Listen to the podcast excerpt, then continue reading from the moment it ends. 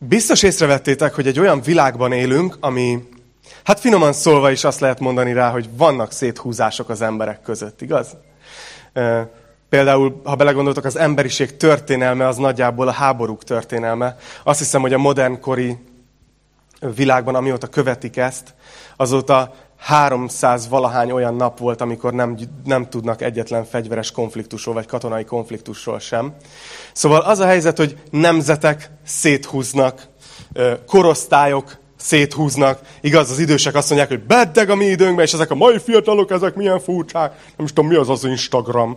A, a, ugye a, a fiatalok pedig azt mondják, hogy nem igaz, hogy a Planet Shakersről mindenki lelép, nyuggerek, tudod? Tehát, hogy valahogy időnként szét tudnak húzni a korosztályok, szét tudnak húzni egyébként politikai nézet szerint az emberek, akár egy országon belül, ugye egy hete volt választás, tudjátok, hogy mi megy ilyenkor a médiában és a, és a beszélgetésben. Na, most elengedek egy történetet.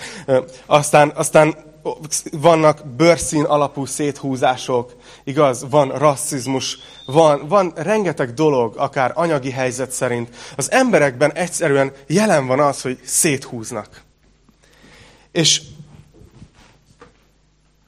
ami, amiről Pál itt beszélni fog, hogy folytatjuk ma a római levelet, az az, hogy sajnos ez a dolog a gyülekezetben is megjelenhet.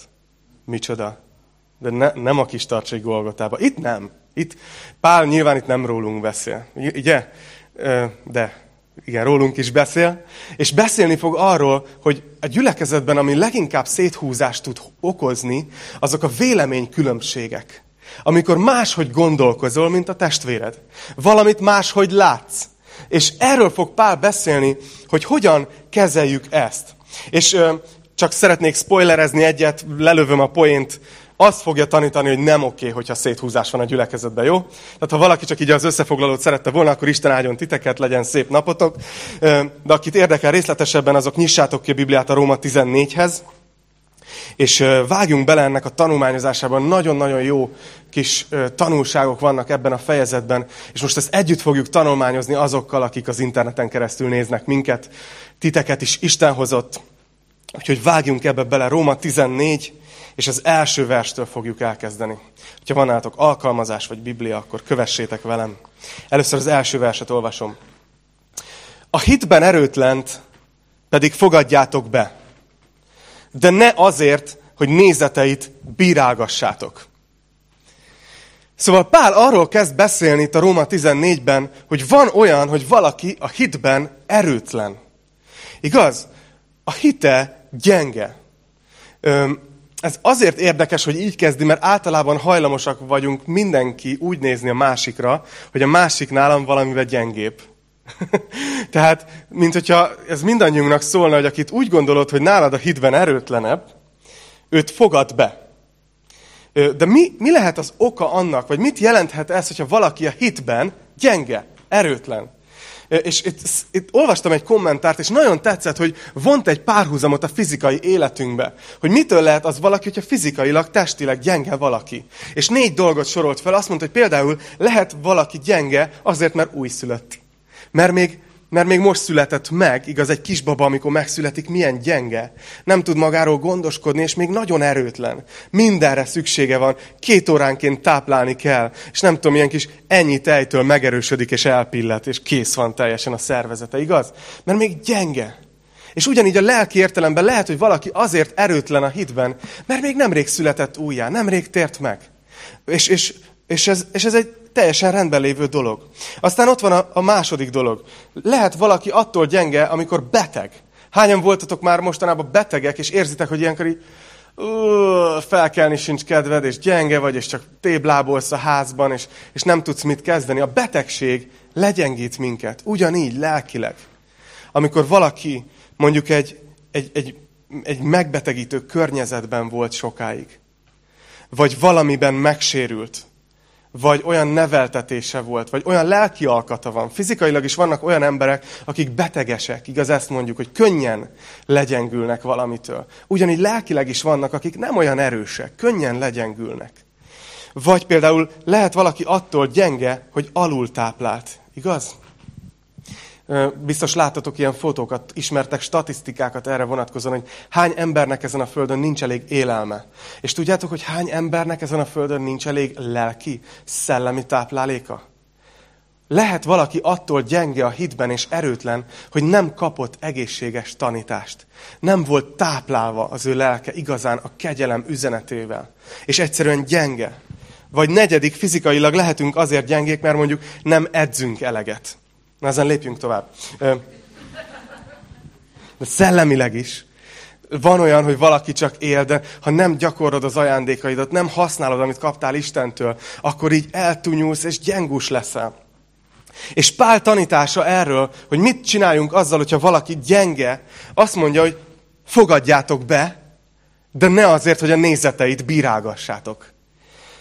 Na most az az érdekes, hogy Pál a római gyülekezetet nem ismerte. Tehát itt nem egy, egy gyüli specifikus problémáról van szó, hogy tudta, hogy Rómában nagyon sok a gyenge hitű. Hanem tudta, hogy mindenhol, ahol gyülekezeteket alapított, mindenhol, ahol keresztények vannak, vannak, akik gyengébbek a hitben, és vannak, akik erősebbek.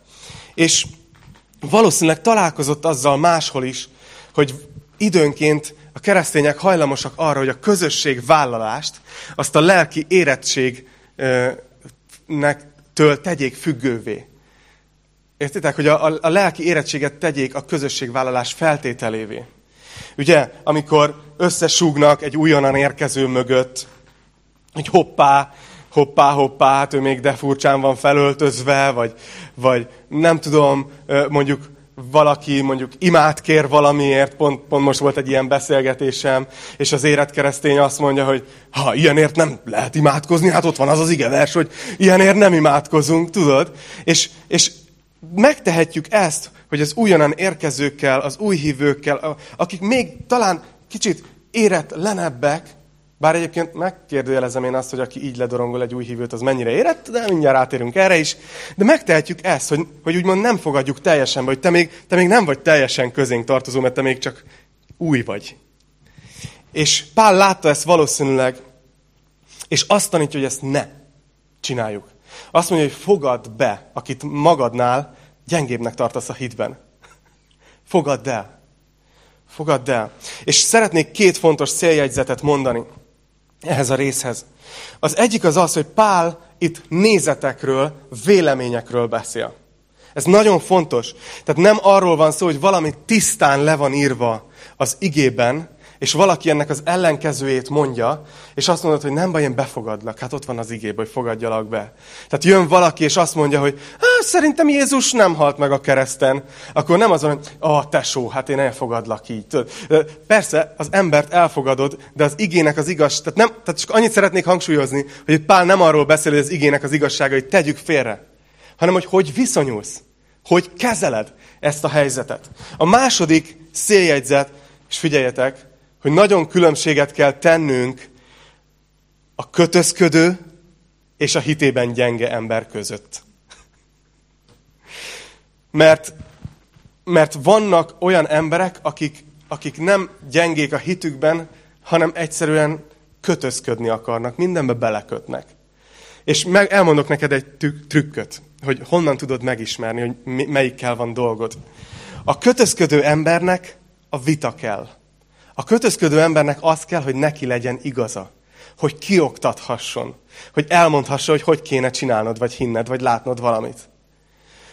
A hitben erőtlen, az csak megnyilvánul. Csak, csak így kibudjan belőle valami, csak így rácsodálkozik valami, és nagyon fontos, hogy, hogy a, aki hitben erőtlen, az azért van itt a gyüliben, mert itt szeretne lenni, mert jól érzi magát, szeretetet érez. A kötözködő az úgy jön be, hogy na, ez, ez milyen gyülekezet? és tudod, amikor először mondok olyat, ami szerinte neki nem fér bele, akkor, akkor távozik is. Szóval nagyon fontos különbséget tenni a kötözködő és a hitében gyenge ember között. Mindenkinek van helye a gyülekezetben, kivéve a kötözködő, ítélkező tesóknak. Vagyis sajnos még neki is. a gyülekezet Pál ezt tanítja, hogy olyan hely legyen, ahol őszintén bele tudok nézni mindegyik kötöknek a szemébe, és azt mondani, olyan jó, hogy itt vagytok. Olyan, olyan jó, hogy hisztek Jézusban. Annyira örülök, hogy, hogy együtt vagyunk Jézus tanítványai. Olyan jó, hogy együtt követjük a Mestert. És, és igen, tanulmányozzuk az igét, és próbáljuk megtalálni, hogy, hogy mit jelent számunkra. És különbözően látunk még dolgokat, de, de, de befogadlak. Nem, nem akarom bírálgatni a nézeteidet. Szóval nézzük meg, hogy hogy jelentkezett ez Pál idejében a gyülekezetekben. Ugye akkoriban, most csak egy kis ilyen kor ismeret, látni kell azt, hogy nagyon egyedi történelmi helyzet volt. Ugye Krisztus halála utáni évtizedekről beszélgetünk, az egyház még éppen csak, hogy elindult, fiatal volt, és voltak azért már ebben az időben, amikor ez a levél született, olyan, olyan emberek, akik évek óta keresztények voltak. De folyamatosan csatlakoztak újak is a gyülekezethez. És kétféle háttérből csatlakoztak jellemzően az új megtérők a gyülekezethez. Csatlakoztak egyrészt pogány háttérből, ahol bálvány kultuszokból, pogány vallási háttérből csatlakoztak, és tértek meg, ismerték fel, hogy Jézus a megváltó, adták át neki az életüket, és lettek keresztények. És nagyon sok dolognak ők, ők hátat fordítottak. Például ugye a pogány templomokban nagyon-nagyon jellemző volt az, hogy, hogy mondjuk ilyen templomi prostitúció zajlott, nagyon jellemző volt az, hogy az ételt, amit fogyasztottak az emberek, azt először bemutatták annak, a, annak, a, annak az Istennek, fölajánlották, és utána igazából például a templomok működtek ilyen hentes üzletként, hogy ott lehetett megkapni a husit, és, és amikor ezek, a, ezek az emberek megtértek, akkor azt mondták, hogy hú, én akkor inkább nem eszek húst, mert azt a húst azt föláldozták egy bálvány Istennek előtte, és én pont ebből jövök. Én tudom, hogy ez mennyire hamis, és én ettől távol akarom magam tartani. Aztán voltak más, nem csak pogány háttérből, hanem nagyon sok zsidó ember tért meg. Akik, akik a törvény alatt nevelkedtek, a zsidó szokások szerint nagyon sok hagyományok, ö, ve, hagyomány vette körül őket, étkezési el, előírások, amelyeket nagyrészt érdekes módon megtartottak utána is, hogy megtértek. Tehát, hogy volt egy nagyon nagy ütközési pont. Nagyon mások voltak. Képzeljétek el ezt a három csoportot. Ott vannak az évek óta keresztények, meg a friss megtértek a zsidók közül, meg a friss megtértek a pogányok közül, és ez valahogy így kéne, hogy működjön együtt. Hát ez, ez egy olyan helyzet, ami egy tökéletes vihar, ahogy szoktuk mondani. Hát itt aztán bármi ütközés megtörténhet. Úgyhogy nézzük Pál mit mond. Azt mondja, hogy második versben, az egyik azt hiszi, hogy mindent ehet. Az erőtlen pedig zöldségfélét eszik. Aki eszik, ne vesse meg azt, aki nem eszik. Aki pedig nem eszik, ne ítélje meg azt, aki eszik, hiszen Isten befogadta őt. Ki vagy te, hogy más szolgája felett ítélkezel? Tulajdon urának áll, vagy bukik, de meg fog állni, mert hatalma van az úrnak arra, hogy megtartsa. Van, aki az egyik napot különbnek tartja a másiknál. A másik pedig egyformának tart minden napot. Mindegyik legyen bizonyos a maga meggyőződésében. Aki az egyik napot megkülönbözteti, az Úrért különbözteti meg. Aki eszik, az is az Úrért eszik, hiszen hálát ad Istennek. Aki pedig nem eszik, az Úrért nem eszik, és szintén hálát ad Istennek. Szóval Pál itt bemutatja igazából azt, hogy mi a helyzet. Képzeljétek el a jelenetet, jó?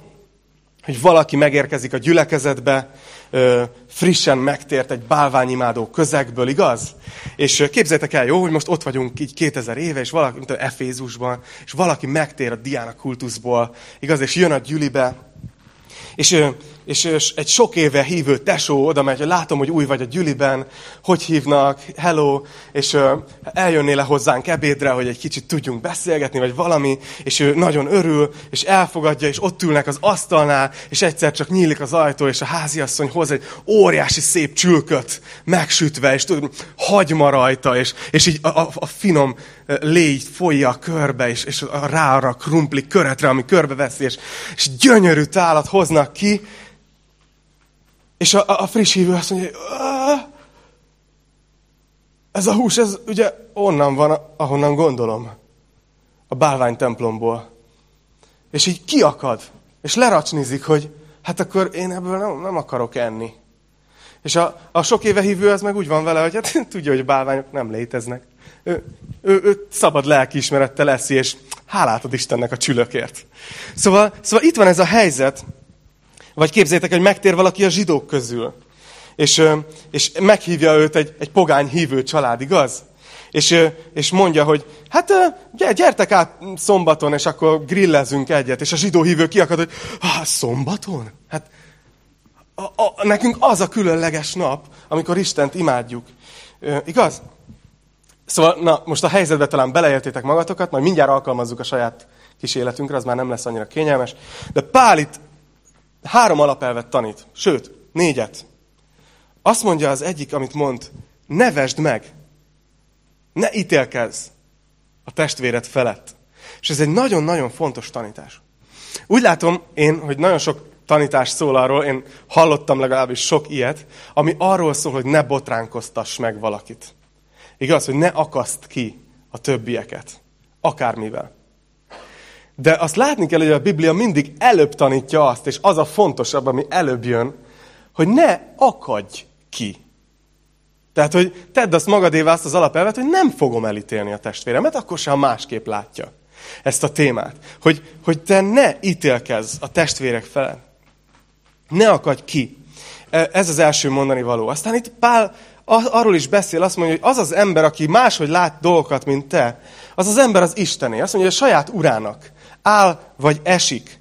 De azt mondja, hogy az Úr meg tudja tartani, és meg is fogja tartani.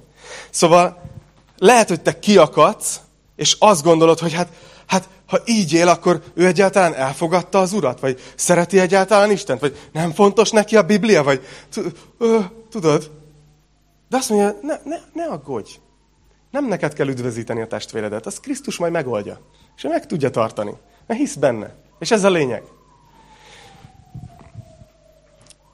Krisztus elfogadta. Krisztus ott volt a kereszten. Kitárta a kezeit. És meghalt annak az embernek a bűneiért. Szerinted azért fogja az üdvösségét elvenni tőle, mert megkívánta a csülköt? Elnézte a naptárt, hogy melyik napon kéne összejönni? Pál azt mondja, hogy ez az úr dolga. Neked az a dolgot, hogy ne ítélkezz. Aztán a harmadik dolognál ez érdekes. Azt mondja, hogy mindenki legyen bizonyos a maga meggyőződésében. Pál itt, itt arról beszél, hogy, hogy ne, ne kopizzuk egymást. Tehát ne azért gondolj úgy valamit, mert valaki más is így gondolja. Ne azért élj bizonyos módon, mert valaki más is így él, és te is jó hívő akarsz lenni, és ezért leutánzod. Hanem azt mondja, hogy mindenki a saját meggyőződésében legyen bizonyos. Ez azt is mondja, hogy tegyél szert meggyőződésekre, hogy, ne legyél olyan ingatag, hanem, hanem Pál tanítja azt, hogy hogyha van egy kérdés benned, hogy kéne élnem, hogy kéne megélnem egy bizonyos területét az életemnek, akkor ne, ne más keresztényekre néz, hogy hogy csinálják, hanem nyisd ki az igét, tanulmányozd, és amire te eljutsz meggyőződésként, ami úgy érzed, hogy neked tanít az ige ezzel kapcsolatban, ahhoz tartsd magad. Tehát, hogy nem azt mondja, hogy legyél ilyen hippi, hogy hm, így is jó, így is jó. Azt mondja, hogy te magadnak legyen egy meggyőződése. Te tudjad, hogy mit miért csinálsz. Hogyha mondjuk szombaton az a meggyőződésed, hogy szombaton kell Isten tiszteletet tartani, akkor te tartsd meg a szombatot, ha neked az a meggyőződésed. Hogyha az a meggyőződésed, hogy ez, ez az Ószövetség, és Jézus a szombatunk, és bármelyik nap összejöhetünk, akkor, akkor gyere össze bármelyik nap, legyen egy meggyőződésed, hogy miért hiszed azt, amit hiszel. És a negyedik alapelv, amit Pál itt tanít, azt mondja, hogy mindenki a maga bőrét viszi a vására. Hogy csak Istennek tartozunk elszámolással. Nézzétek, itt mondja a hetedik verstől. Azt mondja, mert közülünk senki sem él önmagának, és senki sem hal önmagának. Mert ha élünk, az Úrnak élünk, ha meghalunk, az Úrnak halunk meg. Észreveszitek, hogy mennyire tele van ez a rész Istennel? Hogy az előző versekben is arról beszélt, hogy valaki az Úrért teszik, vagy az Úrért nem eszik. Az egész lényeg az, hogy, hogy Istenért csináljuk az egészet. Amit csinálunk, hogy ő van a központban. Tehát akár éljünk, akár halljunk, az Úréi vagyunk. Mert Krisztus azért halt meg, és azért kelt életre, hogy mind a holtakon, mind az élőkön uralkodjék. Akkor te miért ítéled el a testvéredet? Vagy te? Miért veted meg a testvéredet? Hiszen mindjárt oda fogunk állni Isten ítélőszéke elé. Mert megvan írva, élek én, így szól az Úr, bizony előttem fog meghajolni minden tért. Minden nyelv megvallja majd, hogy én vagyok az Isten. Így tehát mindegyikünk önmagáról fog számot adni Istennek. Szóval látjátok? Azt tanítja Pál, hogy az ítélkezés, a másiknak a megvetése, az nem oké. Nincs rendben. Nem vehetjük át Isten helyét. Amikor ítélkezel, akkor gyakorlatilag átveszed Isten szerepét. És azt mondod, hogy majd én eldöntöm erről az emberről, hogy ő rendben van-e vagy sem. És ezt nem adja meg nekünk Isten. Azt mondja, hogy előttem, én vagyok az Úr. Mert előttem fog meghajolni minden tér, nem előttetek. Ti nem vagytok Istenek. És Isten meg fogja ítélni a testvéred szívét, a motivációit is ismeri. Te nem látsz a szívébe, hogy ő miért úgy él, ahogy él. De Isten látja a szívét, hogy miért dönt úgy, ahogy dönt. Majd ő megítél. Ja, és téged is meg fog ítélni. És ez is egy ok arra, hogy ne a másikat vizsgálgass, hanem inkább azzal foglalkozz, hogy, hogy te miről fogsz számot adni Istennek. Hogy a saját, ezt á, csúnya ez a magyar kifejezés, hogy a saját bőrödet viszed a vására, de mert hogy, mert, hogy, mert, hogy, mert, hogy tudni kell azt, és ezt, ezt is szeretném tanítani nektek, hogy amikor itt arról beszél, hogy mindannyiunknak oda kell állnunk Isten ítélőszéke elé, akkor nagyon fontos, hogy értsétek, hogy a Bibliában kétféle ítélet van. Van a nagy fehér trónnak az ítélete, amiről így beszél a Biblia. Amikor majd egyszer az idők végén Isten előtt minden ember, aki élt és meghalt, kicsinyek és nagyok ott fognak állni a trón előtt. És Isten ítéletet fog mondani a világ felett. És ez egy, ez egy ijesztő kép, igaz? Beszélünk erről, hogy az utolsó ítélet, a végítélet. És ez az egyik ítélet, amiről van szó a Bibliában. De az az érdekes, hogy amiről itt beszél, az egy másik helyszín. Az egy másik időpont és egy másik ítélet.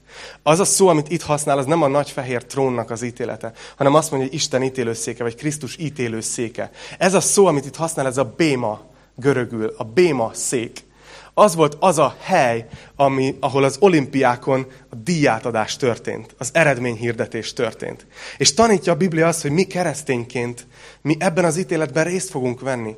Oda fogunk állni egyszer Krisztus ítélő széke elé. És, és lesz egy tök őszinte kiértékelés, hogy, hogy azokkal az ajándékokkal, amit kaptál, azokkal a lehetőségekkel, adottságokkal, hogy sáfárkodtál. Hogy, hogy, hogy, hogy milyen, milyen jutalmat kapsz, hogy milyen felelősséget kapsz az új világban. Ez mindennek az ítéletnek a, a lényege. De nagyon fontos, és ezt vésétek a szívetekbe, hogyha te ma úgy ülsz itt, hogy hiszel Jézus Krisztusba, akkor te csak ebben az ítéletben fogsz részt venni. Te nem fogsz ott állni a nagy trón előtt. Nem leszel ott az utolsó ítéletben. És ez nem valami új tanítás hanem ezt Jézus mondta.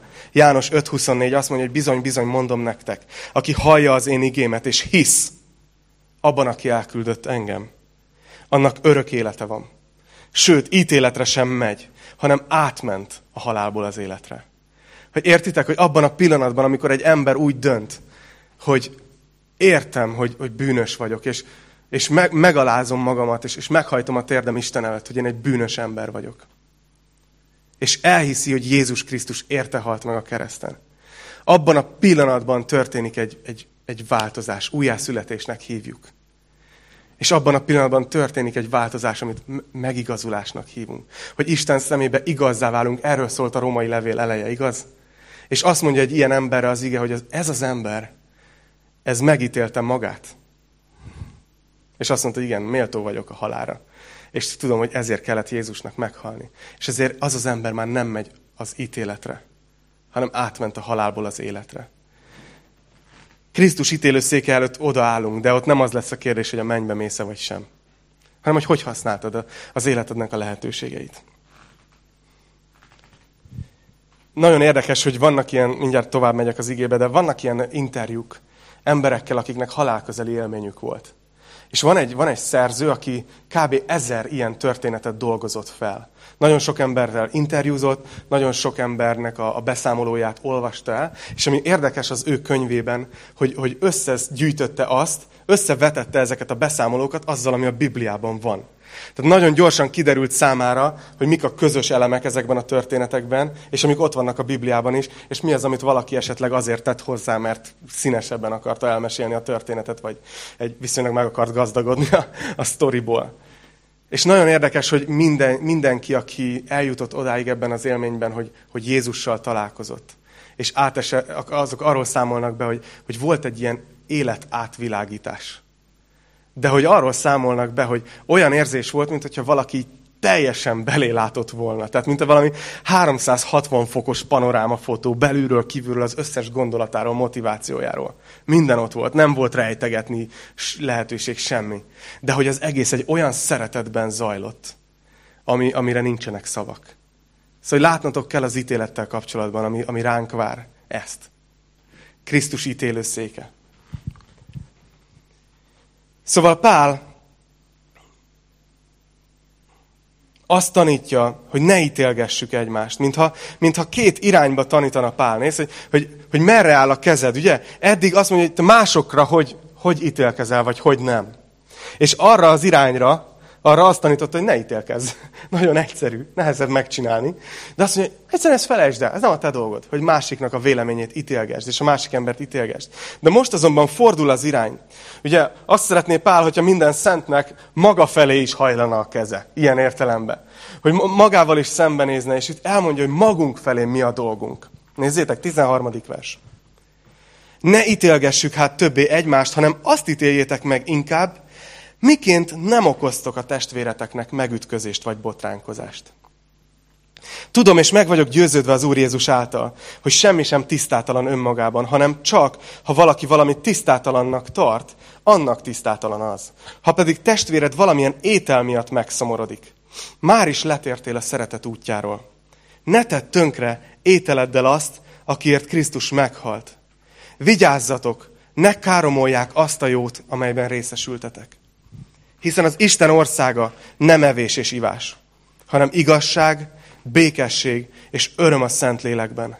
Mert aki így szolgál Krisztusnak, az kedves Isten előtt, és megbízható az emberek előtt. Arra törekedjünk tehát, ami a békességet és az épülést szolgálja.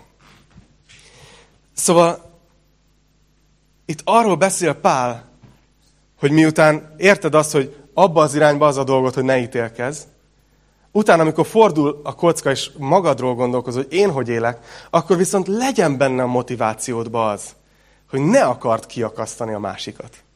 Hogy ne akard megbotránkoztatni. Ért, értitek ezt? Lehet, hogy nem kapcsoltuk fel a villanyt, mély, mély csöndben vagytok, de gondolom figyeltek.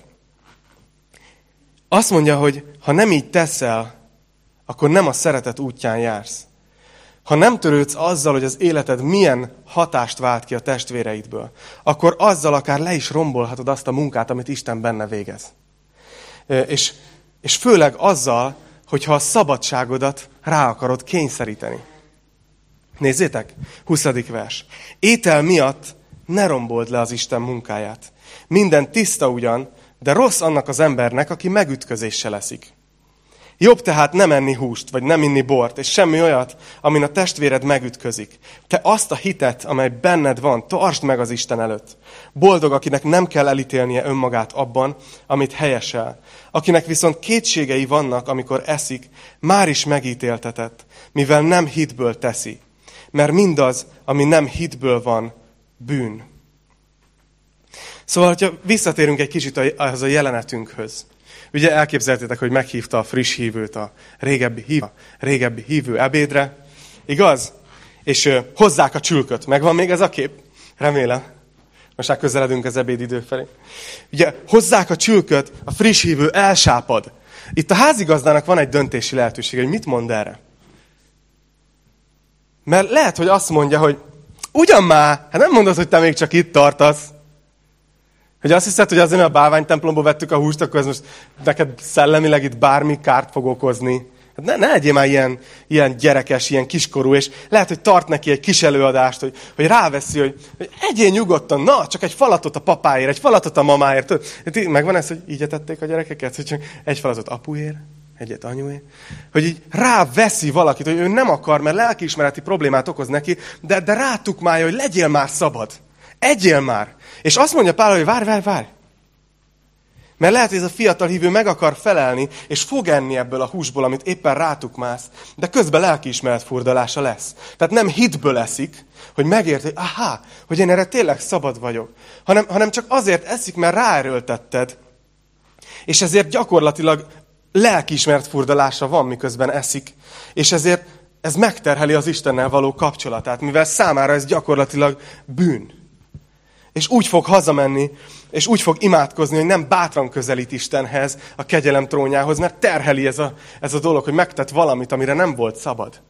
És azt mondja ezért Pál, hogy, hogy másokat ne ítéljünk saját életünkre nézve, viszont járjunk a szeretet útján, és ez azt jelenti, hogy ne erőltesd rá te szabadságodat valaki másra.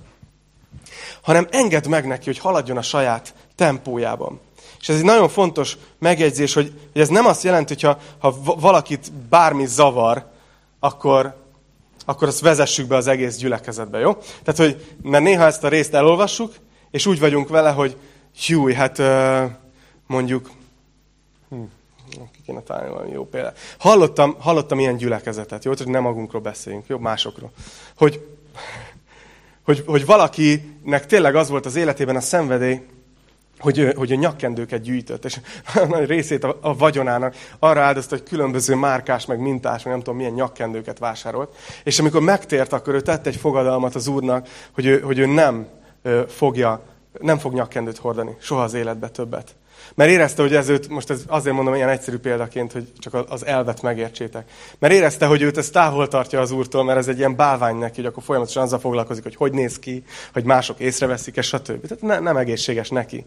De ezért aztán ezt ráerőltette valahogy az egész gyülekezetre, és az egész gyülekezetbe betiltották a nyakkendőt.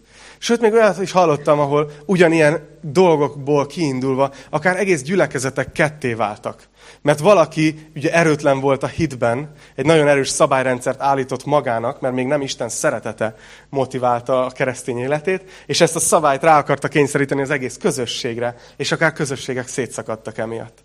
Szóval nagyon fontos, hogy itt Pál, amiről beszél, az, az egy testvérek közötti kapcsolatról szól. Tehát nem arról van szó, hogy itt van közöttünk valaki, akinek meggyőződése, hogy keresztény ne egyen húst, akkor ide jön hozzám, és kifejti az aggodalmát, és én azt mondom, hogy, hogy hát itt van a római levélben, hogy hát, hogyha ha téged szomorúságot okozunk, akkor, akkor megmondom a Gergőnek, hogy mondja be a bejelentések, hogy mostantól nem eszünk húst, az egész gyűli. Tehát, tehát hogy ilyen úgy se fog megtörténni. Tehát ezt nem tud nekem bebizonyítani a Bibliából, de húsimádó szendvicsek, és... Szóval... De hogy, de hogy értitek, hogy itt arról van szó, hogy amikor találkozol valakivel, amikor kapcsolatban vagy valakivel, és, és tudod, hogy a másik embernek valamit problémát jelent, akkor az ő jelenlétében ne éld meg azt, hogyha neked erre szabadságod van. Azért, mert egyszerűen nem fogtok tudni beszélgetni, nem fogtok tudni imádkozni, nem fogjátok tudni bátorítani egymást, mert a gondolat az ez a dolog körül fog forogni. Úgyhogy inkább ne csináld. És egyértelműen másodlagos dolgokról beszél. Na, zárásként Szeretném ezt akkor most idehozni a 21. századba, hogy mit jelent nekünk, mert azt gondolom, hogy nem olyan sokan vannak közöttünk, akik mondjuk bálványimádásból tértek meg. Talán kevesen vannak olyanok is, akik zsidó hitből tértek meg hirtelen mostanában. Úgyhogy alkalmazzuk ezt, hogy mik azok az alapelvek, amit itt Pál tanított, jó? Az egyik dolog, amiről beszélt Pál, itt, itt két kategóriáról beszél valójában. Az egyik dolog, amiről beszélt, ez az egész hús témakör. És lehet, hogy már nagyon éhesek vagytok. A hús az, az azokat a témákat jelképezi szerintem, amelyekben nincs igazán bibliai útmutatás. Vagy legfeljebb alapelvek vannak a Bibliában, és, de a kultúrában benne vannak nagyon erősen. Ugye ott a, a hús az volt, hogy ott mindenki vette a bálványtemplomból, ették, stb. Tehát, hogy ez része volt a kultúrának, valami kulturális dolog, ami, ami, amiről a Biblia nem mondott egyértelműen át vagy bét, de a keresztények megpróbálták döntést hozni, hogy hogy viszonyuljunk ehhez a dologhoz. Például, mondok nektek ilyeneket. Például ilyen a mai világban szerintem az alkohol kérdése. Nem tudom, hogy tudjátok-e, például Amerikában nagyon-nagyon nagy része a keresztényeknek konkrétan bűnnek tartja az alkoholfogyasztást, és nem is fogyaszthatnak alkoholt. Például, hogyha egy lelkipásztort meghívnak, vagy, meglátnának, hogy, hogy alkoholt iszik, akár elveszítheti a, a szolgálatát, mert ott ez egy ennyire kemény dolog. Miközben itt meg úgy evangélizálnak a fesztiválokon, hogy kim van, hogy sörözz egy lelkészsel. Ez egy másik kultúra Európában. És akkor jönnek az amerikaiak, akkor nézik, hogy ti isztok, tudod? Mi meg kimegyünk, és egy sör sincs a hűtőben. Tudod, tehát, hogy, hogy más, más kultúrában élünk. És ez egy olyan téma például, amit a Biblia nem definiál egyértelműen, hanem alapelveket mond rá. Mértékletesség. Igaz? Hogy ne részegedjetek meg a sok borivást. Mond ilyen alapelveket, de nem mondja a Biblia, hogy ne igyál. Egyáltalán. Hanem mértékkel. Ugye? Tehát ezek például ilyen dolgok. Mondok még. Hú, a szülők nem fognak szeretni. Dohányzás. Ugye ez például egy tipikusan olyan dolog a, a mai kultúrában, amiről a Biblia nem beszél, legyünk már őszinték. Nincs benne a Bibliában. És uh, mégis én is úgy nőttem fel, és egyébként mai napig sem dohányzom sokat. Uh, de, nem, egyáltalán nem dohányzok. De hogy mégis bennem volt az, mert gyerekkorom óta, hogy dohányozni bűn. Igaz? És annyira meglepődtem, amikor így elkezdett érdekelni a misszió, és olvasgattam életrajzokat, és kiderült, hogy például Spurgeon, aki az egyik legnagyobb ébredésnek az egyik központi alakja volt Angliában, hát elég keményen szivarozott, sőt annyira, hogy egy helyi dohánymárka őt használta arcnak. Ez olyan, mintha ma Budapesten a Márborót német Sándor fotójával... Érted? Tehát, hogy, hogy, hogy spurgeon mindenki ismerte. Értitek? Ezt csak azért mondom, hogy, hogy kicsit szab, legyünk, legyünk józanok. Nem azt mondom, hogy dohányozzatok. Sőt, egyébként a személyes meggyőződésem az, hogy jobban jár sokkal, ha nem dohányzol. Valaki azt kérdezi, hogy miért, hogyha dohányzok, akkor nem juthatok a mennybe? De valójában sokkal hamarabb oda fogsz jutni. Mert... De az, hogy ez például egy olyan dolog, hogy alapelvek vannak. Legyél meggyőződve, hogy te hogy akarsz élni ebben a tekintetben. Vagy ott van például a tánc. Vannak keresztények, akik azt gondolják, hogy, hogy nem szabad táncolni. Más keresztények meg azt gondolják, hogy hát tánc nélkül mondjuk egy esküvő. Hát azért ez durva, igaz? Az, az, az, az, az lehet, hogy akkor nem is jött létre az a házasság, vagy nem tudom. Tehát, anélkül nem igaz, hogy egy lagzi. Vagy például bizonyos keresztények azt gondolják, hogy nem szabad filmeket nézni, főleg nem 18-as karikásokat. Tudod, nem szabad moziba járni, a kultúrának kitenni, bizonyos típusú könyveket olvasni, bizonyos típusú zenéket hallgatni. A Biblia nem beszél ezekről a dolgokról. Itt alapelveket ad, de nagyon fontos, hogy ezekben a dolgokban, ez, ezt nevezném én a mai kornak a husainak, hogy döntsd el, de az Úr előtt, tehát ne könnyelműségből, nem, nem, nem ilyen, á, tök mindegy, mit csinálok, hanem tanulmányozd az igét, keresd az Urat, juss egy meggyőződésre, és abban élj, de ne kényszerítsd rá a másikra. Ne kényszerítsd rá. A másik téma, amiről Pál beszél, ez a szombatnak a, a kérdése. Ezt úgy tudnám összefoglalni, hogy olyan hitéleti témák, amelyekkel kapcsolatban több verziót is alá lehet támasztani a Bibliából. Tehát egyértelműen beszél egyik vers ilyen értelemben róla, a másik vers más értelemben róla. És tedd össze a képet, és az egyik tesó leteszi az egyik mellett a voksát, a másik leteszi a másik mellett a voksát, és mindenki ragaszkodik a pozícióhoz, és jól bunyóznak egyet szeretet által. Jézus nevében. Például, lehet-e egy hívő gazdag? Ha, ez például egy ilyen téma.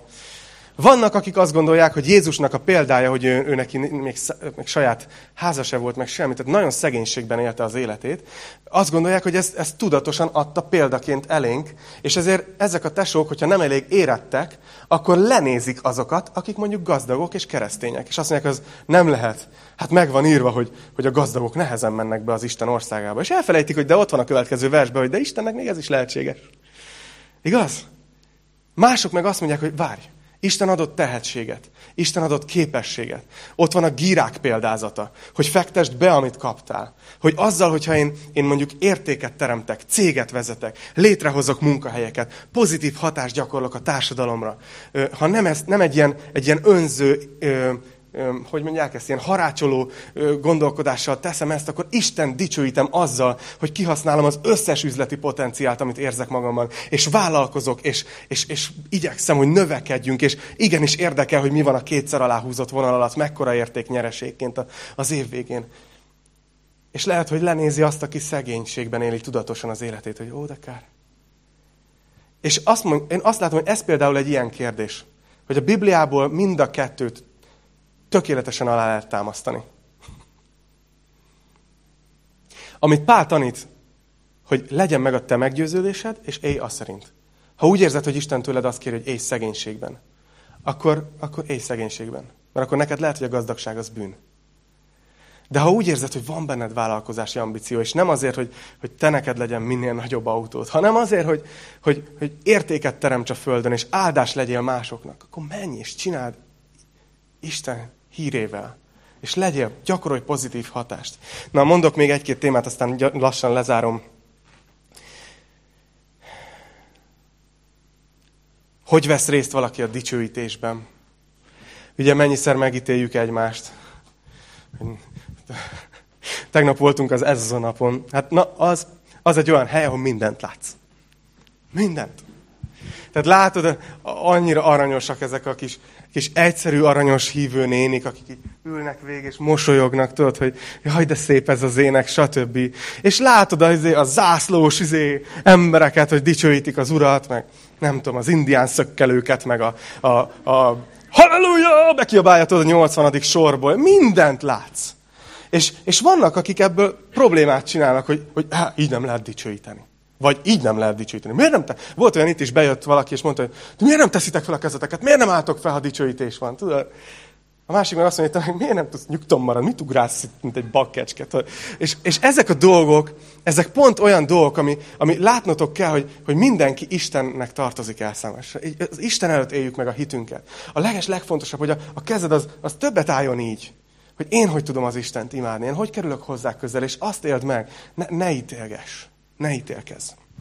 No, van egy gyakorlati tanácsom. Kettő. Hogyha valakivel ilyen konfliktusod van, véleménykonfliktusod, tudod, hogy egy kérdésben máshogy gondolkozik, mint te, akkor ez az első lépés, hogy tedd fel őszintén a kérdést, hogy ez melyik kategória ez a kérdés. Hogy tényleg üdvösség kérdés-e? És ne arra hallgass, hogy mit mondtak a vezetőid, mit mondtak a lelkipásztorok, menj bele a Bibliába, és nézd meg, hogy mi az üdvösségnek a feltétele. És amit ott találsz, ahhoz tartsd magad. Hogy egyértelműen bűne ez a dolog. És akkor is, hogyha azt mondod, hogy látsz valakinek a gondolkozásában olyat, ami egyértelműen bűn. Akkor is tedd fel azt a kérdést, hogy tényleg azért zavar, mert őt félted, hogy el fogja így, így nem tudom, hagyni az urat, vagy elgyengül a hitébe, vagy valami, hogy nem éli meg a teljes kapcsolatát, vagy, vagy csak te akarod rendbe rakni, és a saját képedre és hasonlatosságodra formálni. Ez nagyon más.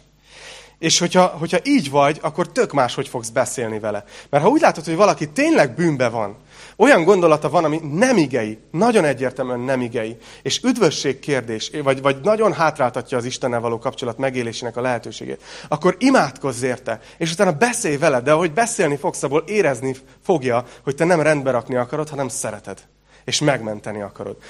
A mentő szeretet az nem attól lesz az, hogy annak nevezzük. Azt érzed.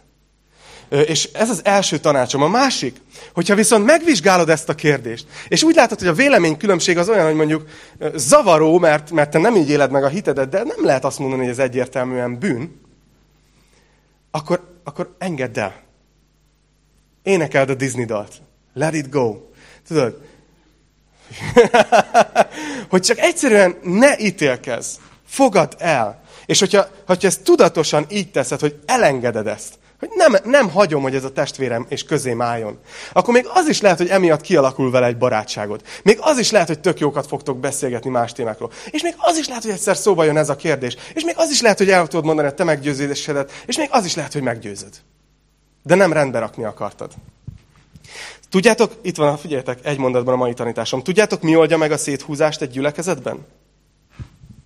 Ha nem vagyunk rá hajlandóak. Nem volt elég? Amikor a keresztények összezárnak, és azt mondják, hogy nem hagyom, hogy egy véleménykülönbség elválasszon a testvéremtől. Nem engedem meg magamnak, hogy megvessem a testvéremet, aki másként gondolkozik. Akkor az ellenség elveszti a talaját. Kicsúszik a lába alól, nem tud mit csinálni. Ha azt mondja, tudod, hoz, súgja a füledbe, hogy de nézd már meg, nézd már meg, hogy hogy él, meg, meg hogy gondolkozik, meg hogy viselkedik, és te azt mondod, hogy hát, nem baj, Jézus megváltotta. Akkor az ellenség eloldalog, mert hirtelen nincs mit tennie tovább, értitek? Az oldja meg a széthúzást egy gyülekezetbe, hogyha nem, nem csináljuk. Hát ez volt a Róma 14, és ha figyeltétek, akkor Pál végig testvérekről beszélt. Végig arról beszélt 15. versben, hogy ne tedd tönkre az ételeddel azt, akiért Krisztus meghalt. Miért beszélünk egyáltalán ezekről a dolgokról? Miért vagyunk mi itt egyáltalán együtt ebben a teremben? Belegondoltatok már? Miért van az, hogy vasárnap eljön a tíz óra, és itt vagyunk? És sokszor nem is ismerjük egymást. De mégis itt vagyunk. Mi köt össze minket? Mi hoz össze minket? És az, ez az egyetlen tény, hogy Krisztus meghalt értünk. Ami át volt itatva ebben a fejezetben, ezzel a gondolattal. Ez az alapja annak a szeretet útjának. Így is mondhatnám, hogy a vélemények szétválaszthatnak minket, ha nem vigyázunk, de a tények összekötnek. A vélemények szétválasztanak, de a tények összekötnek hogy Jézus meghalt értünk, hogy Jézus megbocsátott nekünk, föláldozta az életét értünk, az Isten szent fia. Odatta önmagát azért, hogy neked és nekem, akárhogy gondolkozol ezekben a kérdésekben, életünk legyen. Hogy ne menjünk az ítéletre, hanem átmenjünk a halálból az életre. Ez, ami összeköt minket, ez sokkal súlyosabb, sokkal fontosabb, mint az, ami esetleg elválaszthatna.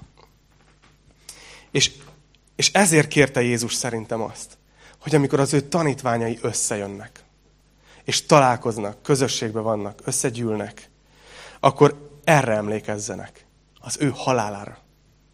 Arra, hogy, hogy ő meghalt mindegyikükért, véleménytől függetlenül. És ez a legerősebb bizonyítéka a szeretetnek, igaz? Az úrvacsora erről beszél. Amikor, amikor ott van a kezedben az a kenyér és az a szőlőlé, akkor az arról beszél neked, hogy te annyira szeretve vagy. Isten annyira sokat adott érted. Jézus föladta az életét azért, hogy neked életed legyen. Hogy szeretett ember vagy. És azt akarta Jézus, annyira tetszik nekem, hogy ha valamire emlékeznek a tanítványai folyamatosan, akkor az ez legyen. És ezért mondta azt, hogy figyeljetek, most itt elfogyasztottuk az úrvacsorát, de amikor, amikor összejöttök, akkor ezt tegyétek az emlékezetemre. Emlékezzetek arra, hogy meghaltam értetek, hogy szeretlek titeket, hogy elfogadtalak titeket, pedig köztünk is van néhány véleménykülönbség. Nem tudom, hogy el tudjátok ezt képzelni, hogy, hogy, hogy ott vagytok azon az estén, amikor, amikor Jézus megy a keresztre. És az egyik tanítvány jön oda Jézushoz, hogy, hogy, hogy mondjuk János jön oda, hogy figyelj Jézus, valamiről beszélnünk kell. A Péterrel beszéltem valamelyik nap, és ezt a kérdést szerintem, szerintem nagyon rosszul látja. Hogy, hogy, hogy nem akar, nem kellene helyre tennem, szerinted, vagy valami? És Jézus azt mondja, hogy igen, értem, értem, sajnos most, most nincs időm, dolgom van. Megyek, meghalok Péterért. És hogy ezt lássátok, ezt lássátok, amikor úrvacsorázunk. Hogy, hogy Jézus ezt mondta a, a, ezekre a véleményeinkre. Hogy, hogy figyelj, a legfontosabb dolgot azt elintézem, jó? Megyek, meghalok érte, új életet fogok neki adni. A többit azt majd a mennyben megbeszéljük. Majd fönn megbeszéljük. Vagy majd a szeretetben majd, majd kidolgozzátok magatok között. De nagyon fontos, hogy szeressétek egymást. Nagyon fontos, hogy emlékezzetek arra, hogy ez az alapja annak, amit én hirdettem. Ezért kérte, hogy úrvacsorázzunk alkalomról alkalomra. Úgyhogy most ezt fogjuk tenni. És remélem, hogy, hogy segít nektek ez abban, hogy, hogy megrögzüljön az is, amit ebben a részben tanított Pálapostól. Ne, nem ítélgetjük egymást. Továbbadod a testvérednek a tálcát. Akit vagy ismersz, vagy nem. Vagy egyet értesz bele mindenben, vagy leginkább valószínűleg nem. De továbbadod neki, és, és még csináljuk ezt ma, figyeljetek, új dolog. Annyira tetszett, voltam egyszer egy ilyen úrvacsorai alkalmom valahol, és hogy ment körbe a, a tálca, mindenki azt mondta a következőnek, akinek továbbadta, hogy Krisztus teste, ami érted megtöretett. És, és annyira nagy ereje volt ez, amikor valaki rád néz, a szomszédod, és azt mondja, itt van Krisztus teste, ami érted megtöretett. Úgyhogy tegyük majd ezt. Jó, ahogy elkezdjük az úrvacsorát. És szeretném azt is mondani, hogy az úrvacsora hívőknek szól. Ha te úgy vagy itt, hogy hiszel Jézus Krisztusba, eldöntötted már, hogy átadod az életedet, megtértél hozzá, akkor akármilyen háttérből vagy, vegyél úrvacsorát bátran. Ha nem tértél meg még, nem tudod teljesen biztosan kimondani, hogy te hívő vagy, keresztény vagy, Jézus tanítványa vagy, akkor, akkor gondolkozz azon, hogy készen állsz ma arra, hogy odadd az életed neki. És ha még nem, akkor, akkor, akkor imádkozom, hogy minél hamarabb érezd azt, hogy eljött a te napod. De ha készen állsz, akkor csak mondd el neki. Kérj bocsánatot a bűneidért. Kérd meg, hogy legyen az életed ura. És utána vedd az úrvacsorát. Úgyhogy gyertek, imádkozzunk közben, Marci, Ingrid, gyertek nyugodtan. Imádkozzunk, és aztán úrvacsorát fogunk venni, és utána el is köszönünk azoktól, akik az interneten keresztül néztek minket. Legyen áldott vasárnapotok, Isten áldjon titeket, meg ezen a mai napon is. És remélem, hogy jövő héten akár személyesen, akár így online velünk lesztek. Imádkozzunk! Mennyei atyám, köszönöm neked azt, hogy tanítottál minket a mai nap a, ebből a fejezetből a római levélben.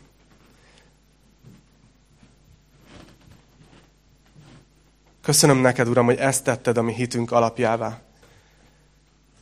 Az isteni szeretet az alapja mindennek, amit teszünk. Az a szeretet, amely annyira óriási és annyira nagy, hogy, hogy minden dolgunkon túl tudott nézni, és, és Jézus elmentél arra a keresztre, és meghaltál értünk. És ott fügtél ég és föld között kifeszítve. Hiszen a földre jöttél, de a mennyből származtál. És Uram, megtetted azt, ami lehetetlen volt, hogy mi a mennyben befogadottak legyünk. Hogy a bűneink, amik elválasztottak tőled, azoknak a dilemáját te megoldottad azzal, hogy saját magadat áldoztad fel. És odattad értünk. És utána a harmadik nap kijöttél a sírból, és, és bebizonyítottad, hogy Isten volt az, aki ezt megtette. Hogy te Isten vagy. És mi hiszünk benned, hiszük, hogy te vagy az Isten fia. Hisszük, hogy meghaltál értünk. Hisszük, hogy feltámadtál a harmadik napon. És hisszük, hogy visszajössz értünk hamarosan.